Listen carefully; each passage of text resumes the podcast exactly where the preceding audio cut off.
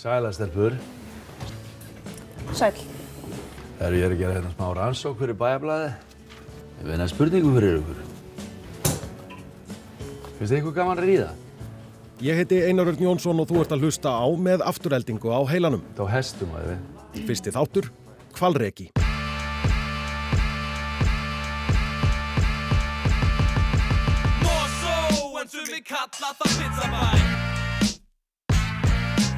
Ég andaði hliðin á mér að voru mjög hraðri niðurlega þarna. og svo allt í einu er bara geiri farin eitthvað, tjekka það, tjekka það og þá var hún bara fara upp á nýjum metrum og setja hann í skeitin sko Þannig að það var eiginlega engi leið út úr því að fá niðurstöðu það mál nema ég myndi ná að veðsetja medaljuna sem ég gerði.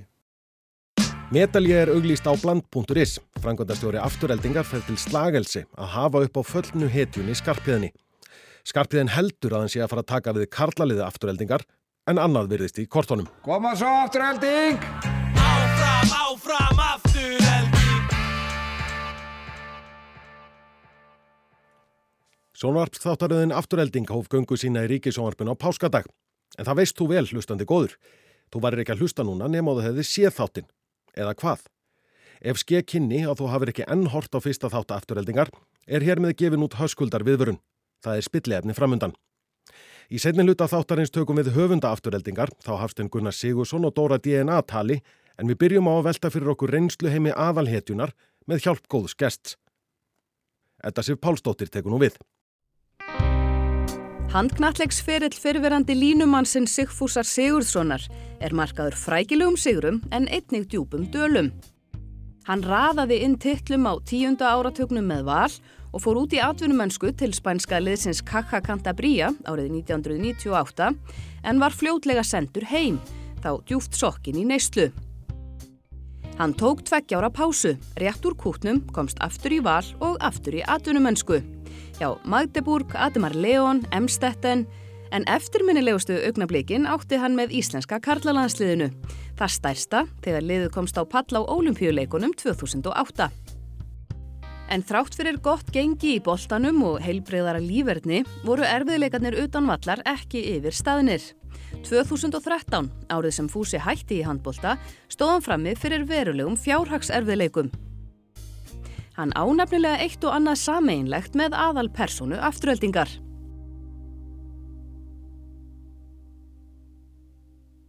Jæja Fúsi, takk fyrir að koma. Já, minnstamálið. Hvernig fannst þér fyrsti þátturinn af afturöldingu? Uh, hann var svolítið dimmur mm. og svona með auglýsingarna þá var maður ekki alveg viss hvað maður átt að búa á svið en svona held þetta er þið kannski meira svona gráglettilegra Einmitt. en ekki svona grásaltlegt. Þú skollar að selja næst. Sjálfa þig. Og þarna er maður í, í ákveðnu brasi, skarpi, sem er leikin af yngvari E. Já, Hvernig fannst þér að fylgjast með hans lífi? uh, þetta myndi mig á marga. Eða? Já, Þetta myndi mig nefnilega að einhverju leiti á suma. já, einhvað var, var hann að lít með mér en, en munurinn er kannski sá að hann var náttúrulega fullur að gera þetta Akkurat, og ég gerði þetta yllur nöðusinn. já. Já. Þú varst hættur Já, já, já. ruggli þarna þegar, þitt medaljumál. Já, já, já. Ég, við erum búin að vera eitthvað síðan janúar 99, sko.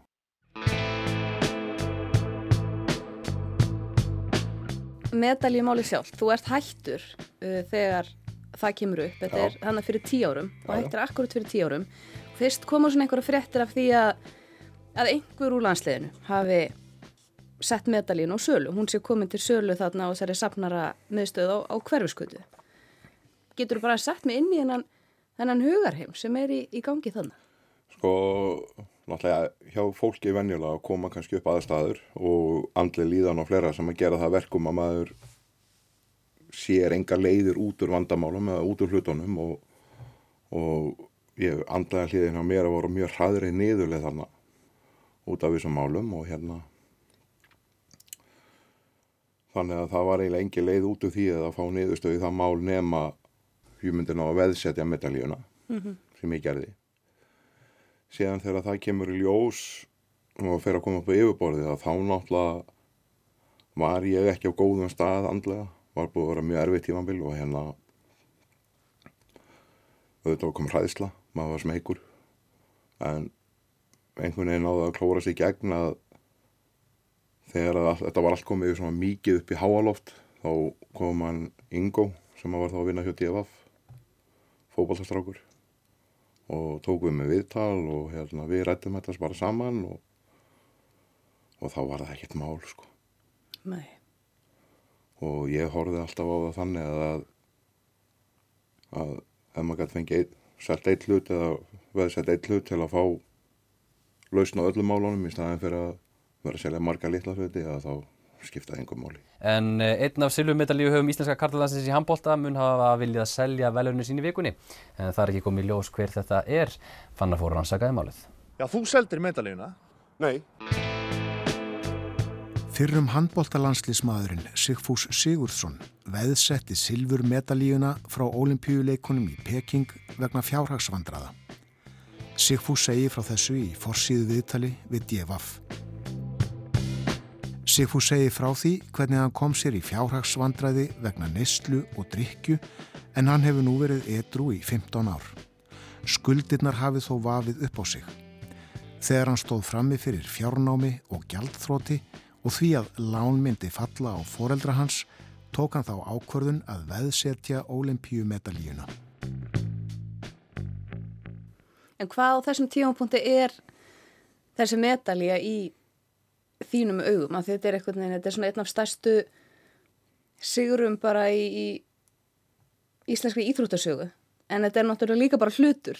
Þú Já. veist, fannst þér, hvernig leistu bara á þessa medalju? Hugsaður, já, ég er hérna með þessa medalju, ég get, þú veist. Ég sá hann ekkert reddað öðru sér. heldur um bíl eða sjónvarp eða einhvað til að selja sko. og gera það í rauninni ekki dag heldur sko. Nei. En eins og í þáttunum, þá skerst einhver í leikin. Já, Það já, er hann að afturölding sem skerst í leikin í þáttunum, en í þínu tilfellu var það HSI. já. Hvernig gerðist það? Nú bara hreinlega veit ég það ekki. Nei. Þeir töluðu aldrei við mig. Létum við bara vita þegar við fengið medalíun og meira veit ég ekki sko. Keiftu þeir hana þá að það? Þú er að ræða það við þá. Já, þannig að þú veist ekki að hún er medaljan ennþá hjá þeim eða? Don't know. Gerir ráð fyrir því? Já, þannig að þú fegst hann ekki aftur. Nei. Nei. En hvernig hugsaðu til þessa máls í dag? Nú er þessi tíórliðin, þú og allt þessum stað.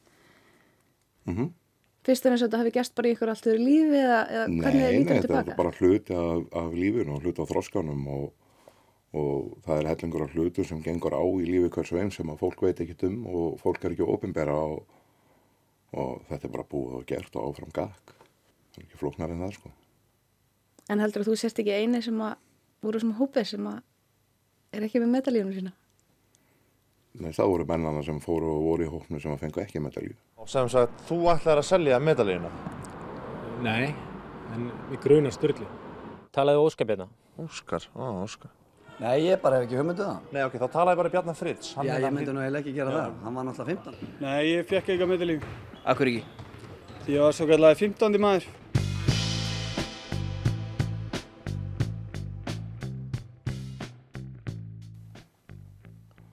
Þegar ég horfa á þetta þá svona reyfið það stuð fyrir mig. Ég var náttúrulega að vinna á Vogi á tímanbili og ég sá þennan persónuleika sem að hann er í mörgum sem komu þar inn. Mm og svo er ég náttúrulega með fiskbúð og það er hellingur af fólki sem kemur þangað og rosa mikið af mönnum sem að vera sko, já ég var ógeð slefnilegur og ég var í yngirlandsliðum og ég var algjör hetja og svo fór ég leitist eitthvað yfir brennivín og rugl og, og þess, þetta er svo mikil saga hjá mörgum Já, en svo spáðum maður líka í þessar andstæður, þú veist, að vera einhvern veginn svona mikil stjarna, íþróttastjarna og hinum endanum einhvern veginn svona nánast í sko ræsinu.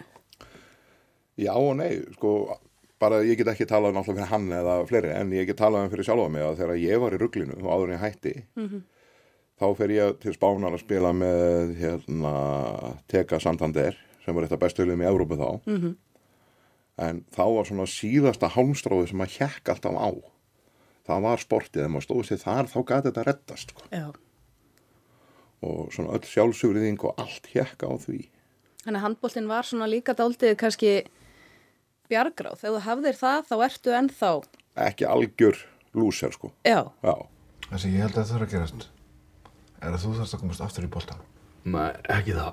Það er búið. Nú bara kemur þú heim, ha? Og þú hættir þessum kellingarskap. Nei, aldrei. En eins og í hans tilfelli þessum þætti þá var hann hættur Mhm. á kafi í ruglinu Mhm. og það var ekkert mikið eftir sko. Hann var farin að bank, banka á einn og eða annan bótt þannig í þessum fyrsta þætti þannig. að- Já, það var daldið svona, daldið þú. Já, mjög þungt og hérna svona lýsandi dæmi líka kannski um það að hann kemur af kynnslóð þar sem að mennum voru mjög misjafnir í hegðun Mhm. og það eru náttúrulega menn hérna í íslensku þjóðfélagi og fleiri og erlendi sem hafa verið svona þú veist, einn bestu knasmunum að Breitlands, George Best var náttúrulega svona Mhm. þegar að með þessi menn hafa hætt í sportinu og þá er halla mjög hratt undan fæti En eins og segir, þá þekkjum við þessi dæmi og þú lýsir þessu einmitt svona einhvern veginn á meðan handbóltin virkar þá, þá sleppur þetta. En hugsar aldrei ef að þessi neysla hefði ekki verið og eins og maður hugsar oft með þessar frægu stjórnur. Þú veist, ef að maður, ef þetta vesen hefði ekki verið til staðar, hversu góður hefur þá orðið? Já, maður getur líka hort á að þannig sko, ef að þetta hefði ekki verið Já, hefði orðið það sem ég var já, Já. svo er það. Já, og náttúrulega öll mistök og, og öll áföll og allt sem maður er að vinna úr og, og, og gangi í gegnum gerir mann væntalega sterkar og betur einstaklingi í því sem maður er að taka sig fyrir hendur í Mm og ég horfi frekar á það þannig, ég er ekkert að hugsa um sko, ef ég hefði ekki og einhvað Nei. því að mögulega hefði ég þá bara verið feiti gægin sem maður gafst upp sko. Heimir Örn nær ekki koma boltanum þar inn. Takk sér Sigfúsi. Geysi allum varnamanni. Það kemur litli maðurinn í hópnum, það er Sigfús Sigursson. Írmá nú grumlan á Fúsa vera öflug. Er það vísum? Sigfús Sigursson, Æsilega gert hjá Sigfúsi. hann er, já, hann er mannblendinn. Og Sigfús skora! Hann er, ég held að hann ætla að heilsa öllum á hólnum. Og sjáu í Fúsa, hann er rifið í jöfnur, hann skora satt. Hún að vera hreint magnaður í þessu móti. Og við segjum Sigfús Sig... Aftur, Sigfús Sigursson. En getur aðeins fyrir mig því ég er svo forvitin út í þetta að fungera á sama tíma. Þú nú talað um að þú hafi verið í, í neyslu, drikju, þetta allt saman sem þú ert lengur búin að segja skili við. Mm en af því maður fylgist með þessum karakter í þessum þáttum þú veist bara dagstæglegt líf einhvern veginn og þetta að fungera með þetta allt í gangi. Getur líst ég sko, náttúrulega hans upplifun er aðeins öðru þessu, hann er náttúrulega með hann kemur heim og fer á einhvern fund og fer svo á barinn og drekkur svo fullan og, og vaknar svo daginn eftir og veit eða ekkert hvað gerði sko. En hann er með greinlega það er mikil skömmi og mikil hræðsla og sjálfsfyrirlitning vantala nú hérna kannski erfitt að lýsa því beint með, með orðum öðru sem það að sem sagt, þetta er svona viss sálarangist og sársveiki og hann er með tækin áfengi þá í höndunum til að deyfa það og gerir það á þennan hátt. Uh, eins og var hjá mér þá hafði ég ekki neitt en ég var mjög heppin ég er náttúrulega með góða aðila á bakvið mig sem eru náttúrulega búin að gangi í gegnum svipaða hluti í neyslu og drikki sem ég gæti alltaf hringt í og tala við. Og svo er náttúrulega frábæra fjölskyldu sem að stóð við bakið á mér því að náttúrulega að vera svona einstaklingur sem þetta að sko ég get alveg satt að beint út með mig að þar til að litla dama mín kemur í heiminn og neyfur að þá var ég náttúrulega bara að haga og vissum sviðum var ég mjög van þroska og ég rauninni þannig sé ekki þetta að taka ábyrð og einu neinu í lífi mínu sko. og það var bara ná- nákvæmlega sama hjá honum að hann hefur ekki þurft að taka ábyrð og neinu sko. Mhm. hann var nú dóttir sem hann vil vera að tala við hann, var badnabatt sem að svona, veit ekki hvernig á að vera í kringum hann og svo framvegis. Mhm. ég var kannski ekki alveg á þeim stað en svona einhvern veginn samt forðast að taka ábyrð Mhm. Og svo þegar maður er komin inn í eina íþrótta heim og hefur peningana sem til þarf, þá kannski bara heldur þetta, áfram og þú ert yfirleitt þegar þú ferð sem atvinnum maður út er það erlendis að þú ert inn í svona búblu. Og það er meira menn allt gert fyrir þú þarf ekki að hugsa neitt sko en sporti mm þannig að og svo þurfa að hætta því og fara inn í mennina hlífi rosalega stór skref fyrir marga hvernig er einmitt lífið eftir atvinnumennsku. Manni finnst þess að maður hefur svo oft heyrt þessa sögu og þetta er svo mikil breyting á lífi fólks og einhvern veginn bara síminn hættir að ringja og landsliðið farið og, og þetta allt. Já, sko ég breytti þegar ég var með landsliðin og var að spila úti þá var ég ennþá með minn vinahóp og mína vini sko. Ég var ekkert að breyta því neitt og svo hættir handbóltinn og þá við maður kannski smá frið. Og ég að segja það þannig sko. og hérna auðvitað var gaman að berast á og, og fólk takja eftir manni og allt þetta en ég held að það sé þægilega að vera ekki í því. Þú getur átt einhvað prívat. Það er ekki tónglast á öllu sem að, maður segir að gerir og, og rosalega gott að vera bara, fá að vera þú sjálfur án þess að þurfa á að gera þig einhversi að horfa á þig eða taka þig upp eða segja einhvað vittlust í fjölumellum eða hvað sem er sko. Mm -hmm. En margir upplifa mjög mikið tómarúm. Tengið þú ekki til það? Nei, Nei. eins og ég segi, kannski það eina sem maður hefur saknað úr boltanum, það er ekki æfingarnar, það er ekki keppnin og, og þetta heldur, það er húmórin og, og svona bróðsemin sem maður var í klefanum Mm -hmm. og einhvern veginn var það samt þannig og kannski sem hefur hjálpað mér mikið vantanlega að mikið af þessum drengjum sem hafa voru með mér í landsliðinu og, og í val að ég hef kannski ekki, ekki haft mikla samleið með þeim fyrir utan handbóltan sko. sem, sem hefur kannski bjargað því að ég upplifi ekki þetta tómarum og lendi kannski ekki þunglindu og leiðindum sko. En þetta að vera svona settur á punktin Fyrirverandi fyrirliði landslýsins eitt sigur sælasti handbóltamaðurinn okkar að reyna að selja verðlunagripina sína. Þetta er bara, það er bara eins og, Eins og hvað? eins og sést róni, skarpiðin. Uh, þetta er náttúrulega eins og þetta er sett upp hann í þættunum er náttúrulega frekar absúrt sko Ok, hvernig þá? hann er sóttur á flugvöllin og kerður til Reykjavíkur og þeir fara á fundinu í HSI þar sem einhver kona kemur og hraunar yfir hann Já, og svo myndi venjulega kringustæðum að það kemur einhver svona kelling eða kalla myndi fara að hrauni yfir einhver sem er virkur algi, hann myndi bara reyka henni puttan og lapp út sko. það er svona fokkjú attitútið. Já þú bara kemur ekki svona fram með fólk saman hversu illa fólk hefur drullaði upp á baka, þú kemur ekki illa fram með fólk sko. Mm -hmm. sko, hann er settur á punktin og hann er alveg húðskammaður þú spurningin á það móti akkur greip þetta fólk ekki miklu fyrir inn í Mhm. til aðstofa það er hinn spurningin uh, þegar ég lendi mínu þannig á Spáni og eru náttúrulega bara fullur og vitlusur í neyslu og allt þetta og sendur heim þá var Þorbjörn Jensson landslýþjálfari og þá var hann búinn að fara inn á vók skoða aðstæður og jafnvel bóka fyrir mig sko. En er það ekki alltaf þannig að þetta gengur ekki fyrir en fólk vil að sjálft og finnur sér Já, góð? sjálfsögðu en þar var náttúrulega haldinn fundur og, en það var ekkit svona fundur sko. Mm En þú fórst í meðferð þá í kjölfarið, þannig að Já, virkaði það, sko uppalega markmiðið með að fara í meðferðinu var það að fara þann inn sína þessu pakki að ég gæti orðið edrú og fá mér svo bara bjórun sumari sko. ég skil. Já, En gerðist það ekki þannig? nei, svo fer ég meðferð og klára hana og kem út úr samfélagið þá svona hægt og rólega rann upp fyrir mig bara að ég var brotin bæði og líka maður sál sko. Og náttúrulega hellingur og hlutur sem að gerðust í fortíðinni ekki það að ég hef verið gamallana en hellingur og hlutur sem hefur gerst áður. Og þú veist maður var eiginlega bara mölbrotin og þetta bara púslaði sér saman aftur. Og það bara tók tíma. Mm og kannski ekki alveg búið enn þann dag í dag en það er að gera stækt og rólega sko. En með þetta máli í þættinum, þú veist að því það hugsa margir, já þetta er einhvern veginn, maður hugsa bara að vera að selja medalju og þá hugsa maður til þín. mm -hmm.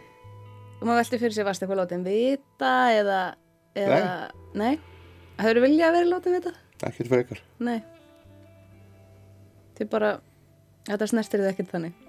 Nei, ef þetta er eitthvað sem að fólk hugsa út í að geta verið að móka með að særa mig eða hvað sem er að þá er mitt vandamál en ekki þeirra ef að þeir segja eða gera eitthvað sem ég var mókaður yfir þá það er alveg farið mitt en ekki þeirra það er hvernig ég sé hlutin og hvernig ég tek á mótið eins og að móta það hver ég er Mm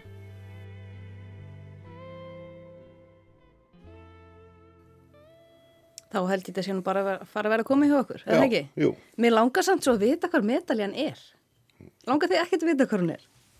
Alveg sann. Já. Hann hristir hausinn svo sett. Ég ætla að lýsa nú eftir medalíunni. Takk kærlega fyrir að koma fúsi. Ekki máli.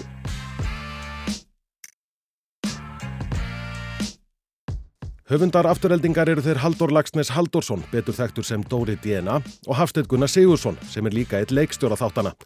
Ég settist niður með þeim félögum til að fara í gegnum hefði langa ferlið að koma þáttunum á koppin og hverju þeir vildu koma til skila með þáttunum.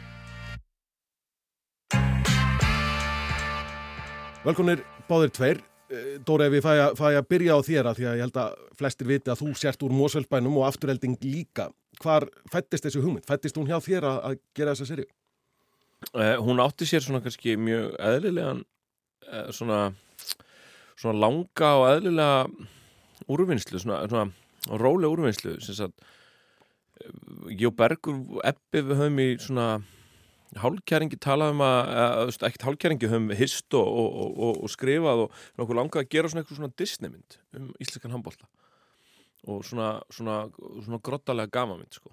Og svo bara eins og mörg handri daga það uppi og, svo var, er sko einkonu mín, ég á eldri einkonu hún, hún var mikið í veistlu með hattaguna sem unglingur út af ykkur nördli í, í sameinlum vinnum og, og nú að býður og ég hitti hattaguna í partíða sem ég er svona sem gestu, gestu konuna minnar eitthvað neginn og við fyrum að tala um að, að gera handbólta og, og, og svo bara hittust við vikulega í eitt ár og bara rættum hvað við vildum hvernig séri þetta að vera og um hvað hann ætti að vera og Hatti kom strax með að hún þetta þarf að gerast í hvernig handbólta og þetta þarf að vera kallað þjálfari og, og það er sagan. Og, og hérna og, og hann kveiktir hún strax í okkur og við horfðum mér að svolítið beint til útkverfana og þá eiginlega svona bremsuð við strax hjá Mosó sem er ég meina þessir handbólta bæir í, í fyrst, þetta er kannski Garðabær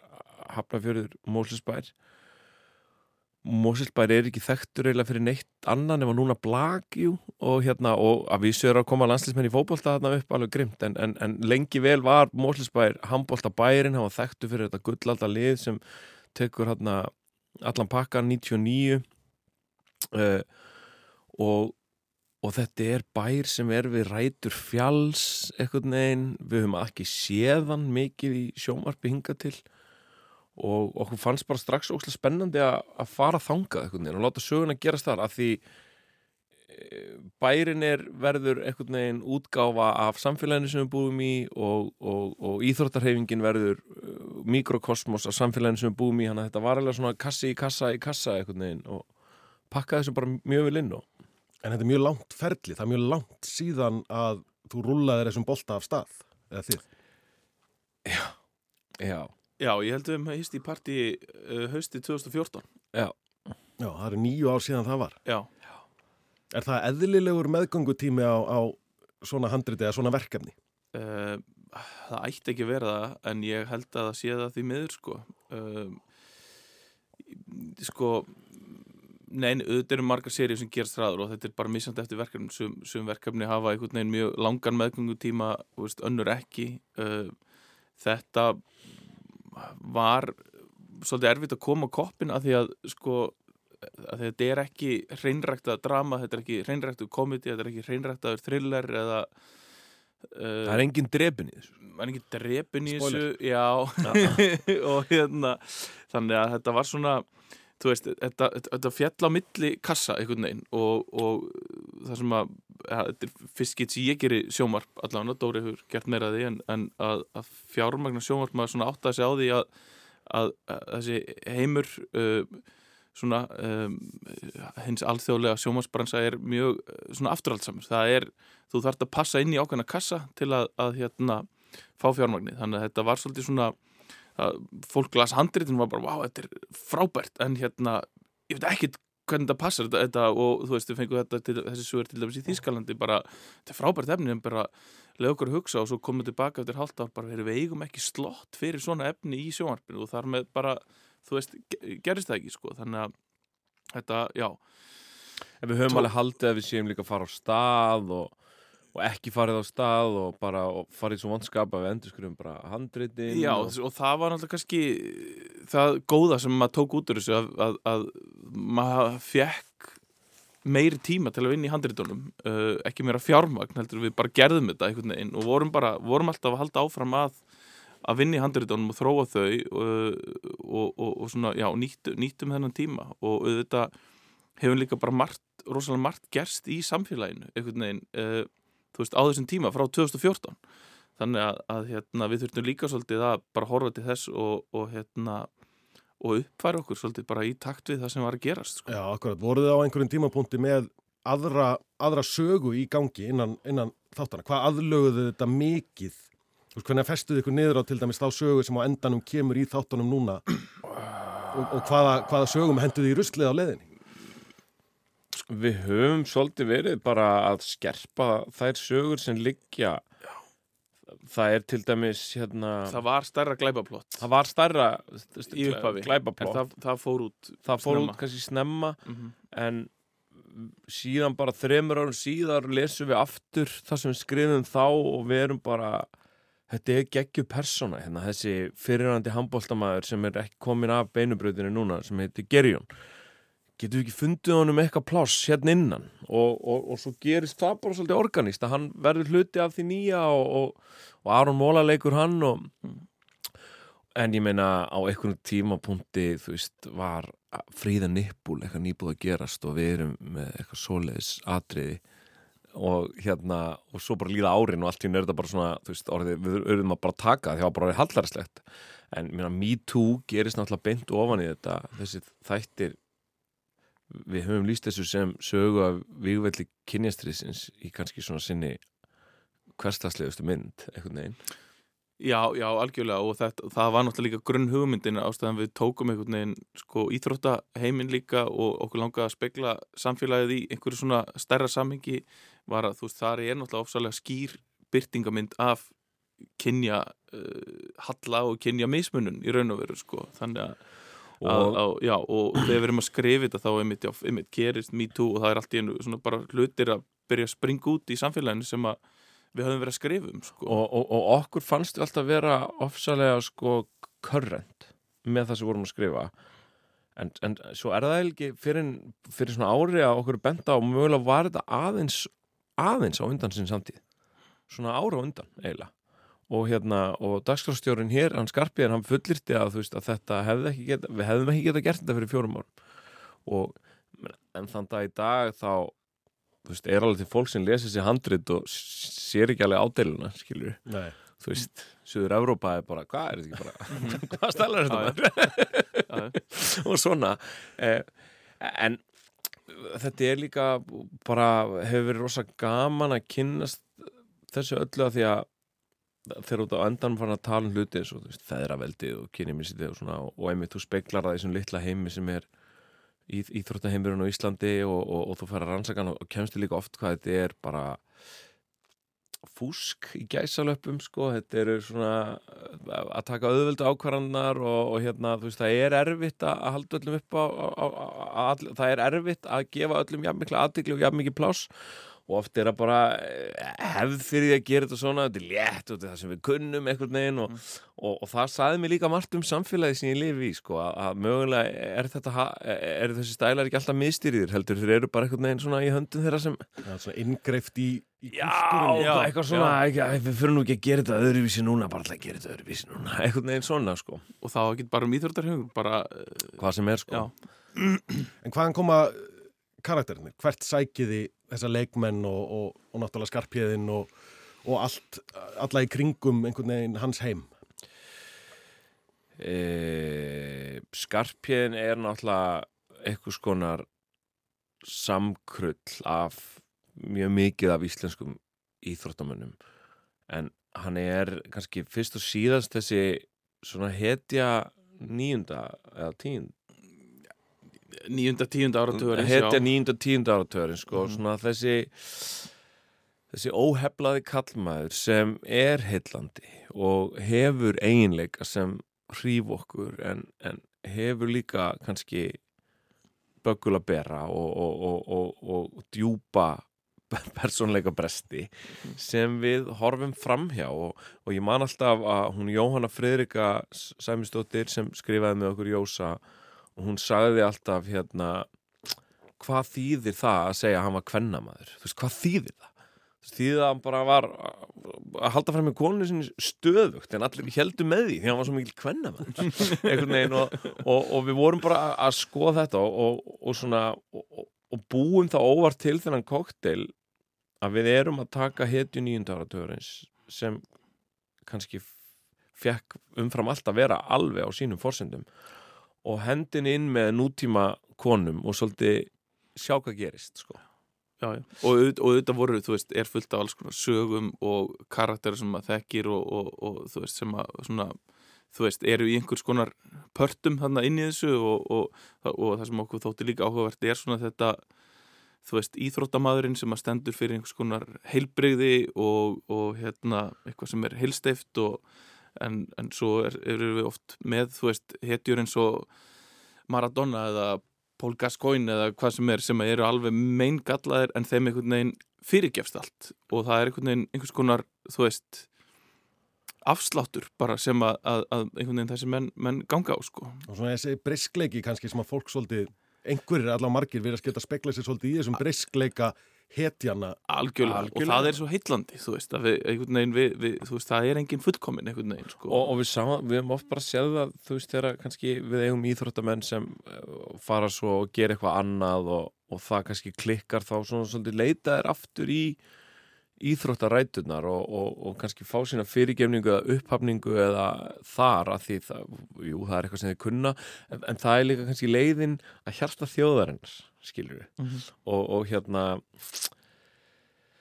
og ég meina þú veist, við erum ekki eins og að byrja því sem gerist síðan með landsliðið eitthvað neginn, þú veist, í fótbolta sem bara setur okkur í óbúslega skrýtna stöðu sem, sem bara fólk sem elskar landsliðið sitt, skilur við eitthvað neginn og minna strákandir okkar og allt þetta og, uh, en, en þar eru við kannski komið með þennan Karl en, en, og það og kannski líka, já, um mitt og bara ánum klánu það líka það sem okkur fannst líka heitlandi og við rættum oft um það er einhvern veginn líka þetta, þú veist, hvað tekur við þegar þessum glæsta ferli líkur sko, þú veist og í mörgum tilfell, tilfellum er oft bara einhvers konar svartól þú veist, það hefur ekki verið þú veist lagt inn til framtíðar heldur og, og þú stígur út á sviðsljósinu og það sem þú stóðst fyrir og þínir eiginleikar og hæfileikar þeir eru allt í einu þeir eru einskisvirði og það er ótrúlega sorglegt en líka mjög uh, áhugavert einhvern veginn uh, já,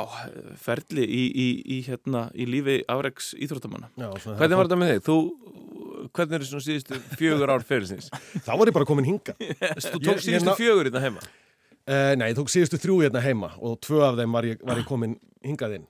Þannig að þetta, þetta svona rann, rann Þetta saman. Sko. Þetta var mjúk lending.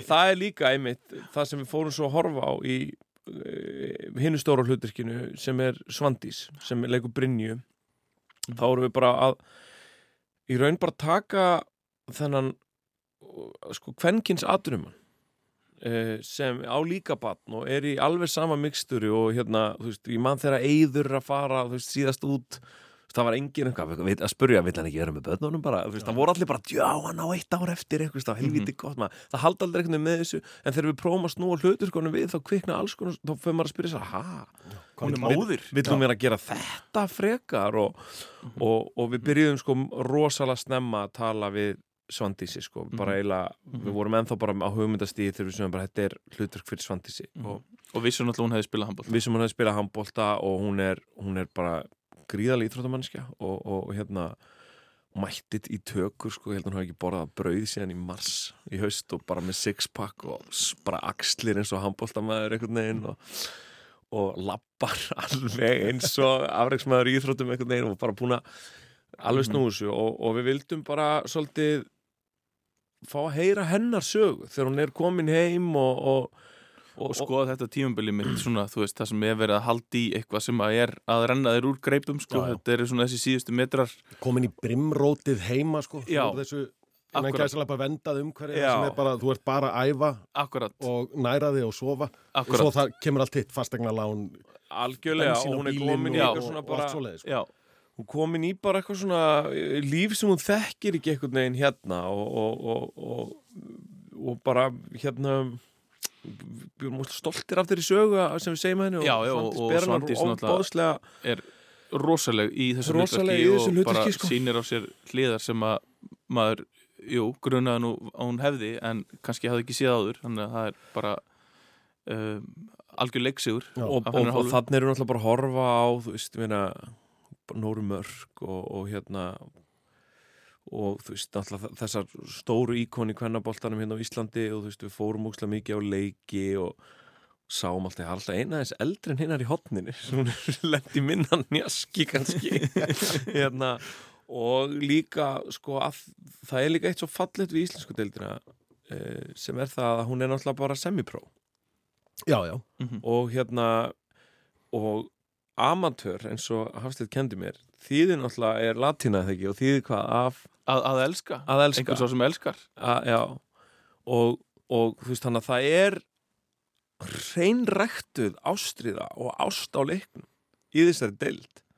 Og hérna þú veist það sem enginn er að auðgast skilur, ekki neitt og meina, fólk er bara að tala um í Aron er að koma heim. Ú, hann er nú að missa feitan tjekka hann að maður veginn, þú veist, það er alltaf pælingin og, en, en á móti kemur, þá kemur um, þá verður, og þetta er eitthvað sem Ásker Jónsson sem sá um handbóltan fyrir okkur og, og, og í raun bara kom inn í skrifferlin ánast og hjálpa okkur að semja leikina í raun og veru. Uh, það- hann sagði eitthvað bara horfiði á bara norska landsliði spila?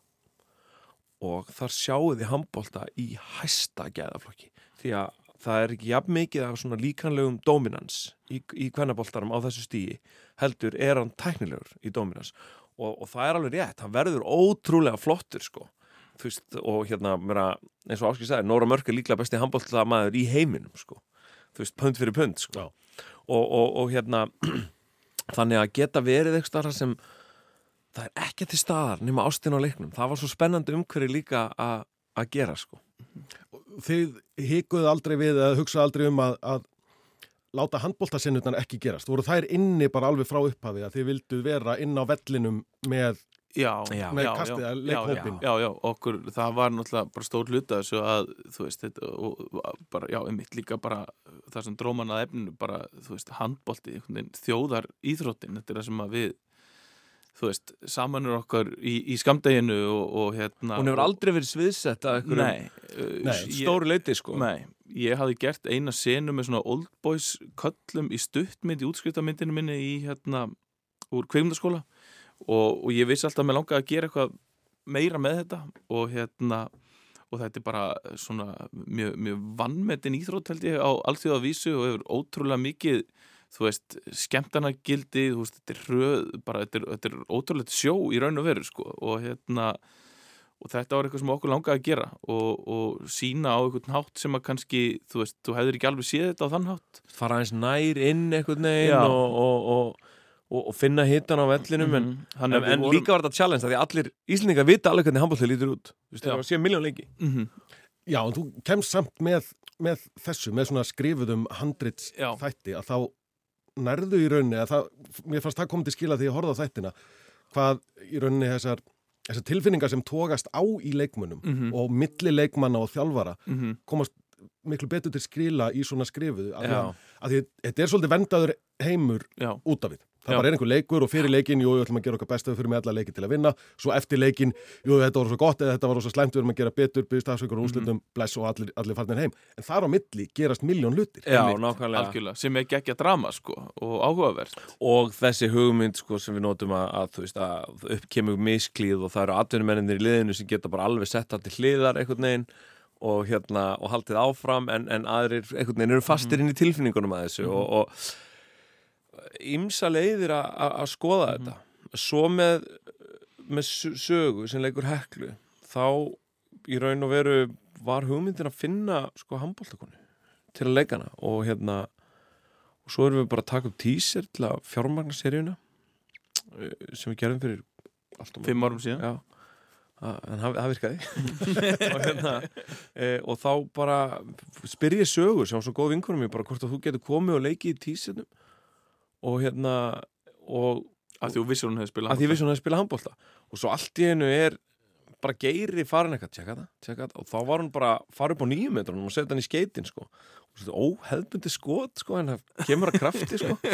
Og hérna og þú veist, og allt í hennu bara svona var, þú veist, bara Halli Þor, bara, ég held að Halli að vera komin inn og sem var að þjálfa kvennaliði þá og var bara eitthvað, herri, viltu ekki koma að taka sæna að taka víti í einu leik eitthvað svona.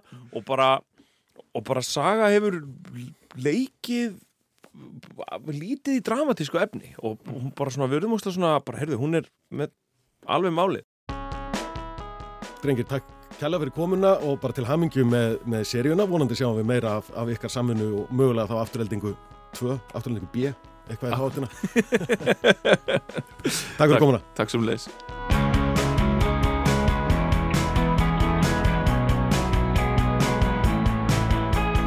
Hér látum við staðanum við í dag en við verðum áfram með afturheldingu á heilanum næsta sunnudagskvöld strax að loknum næsta þætti afturheldingar. Ég heiti Einar Röðn Jónsson, takk fyrir að hlusta.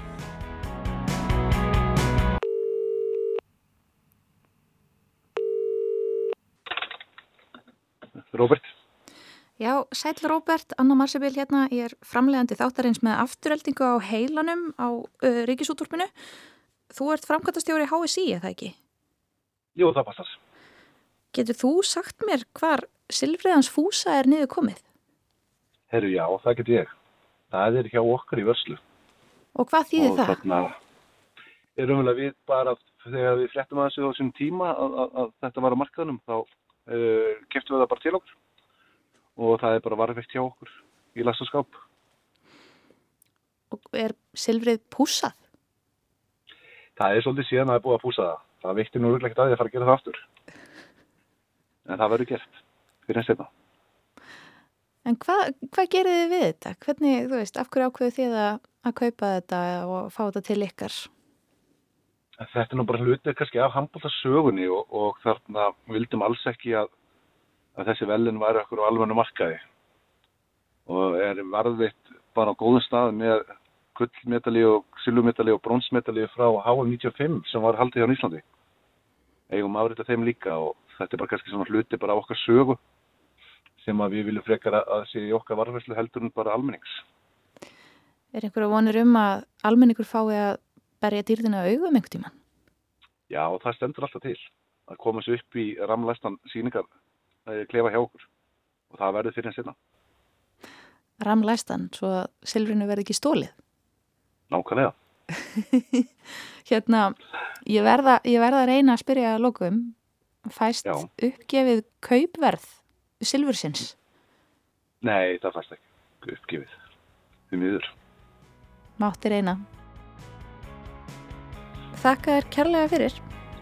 Minnsta málið. Takk fyrir það sem leys. Bless. Bye.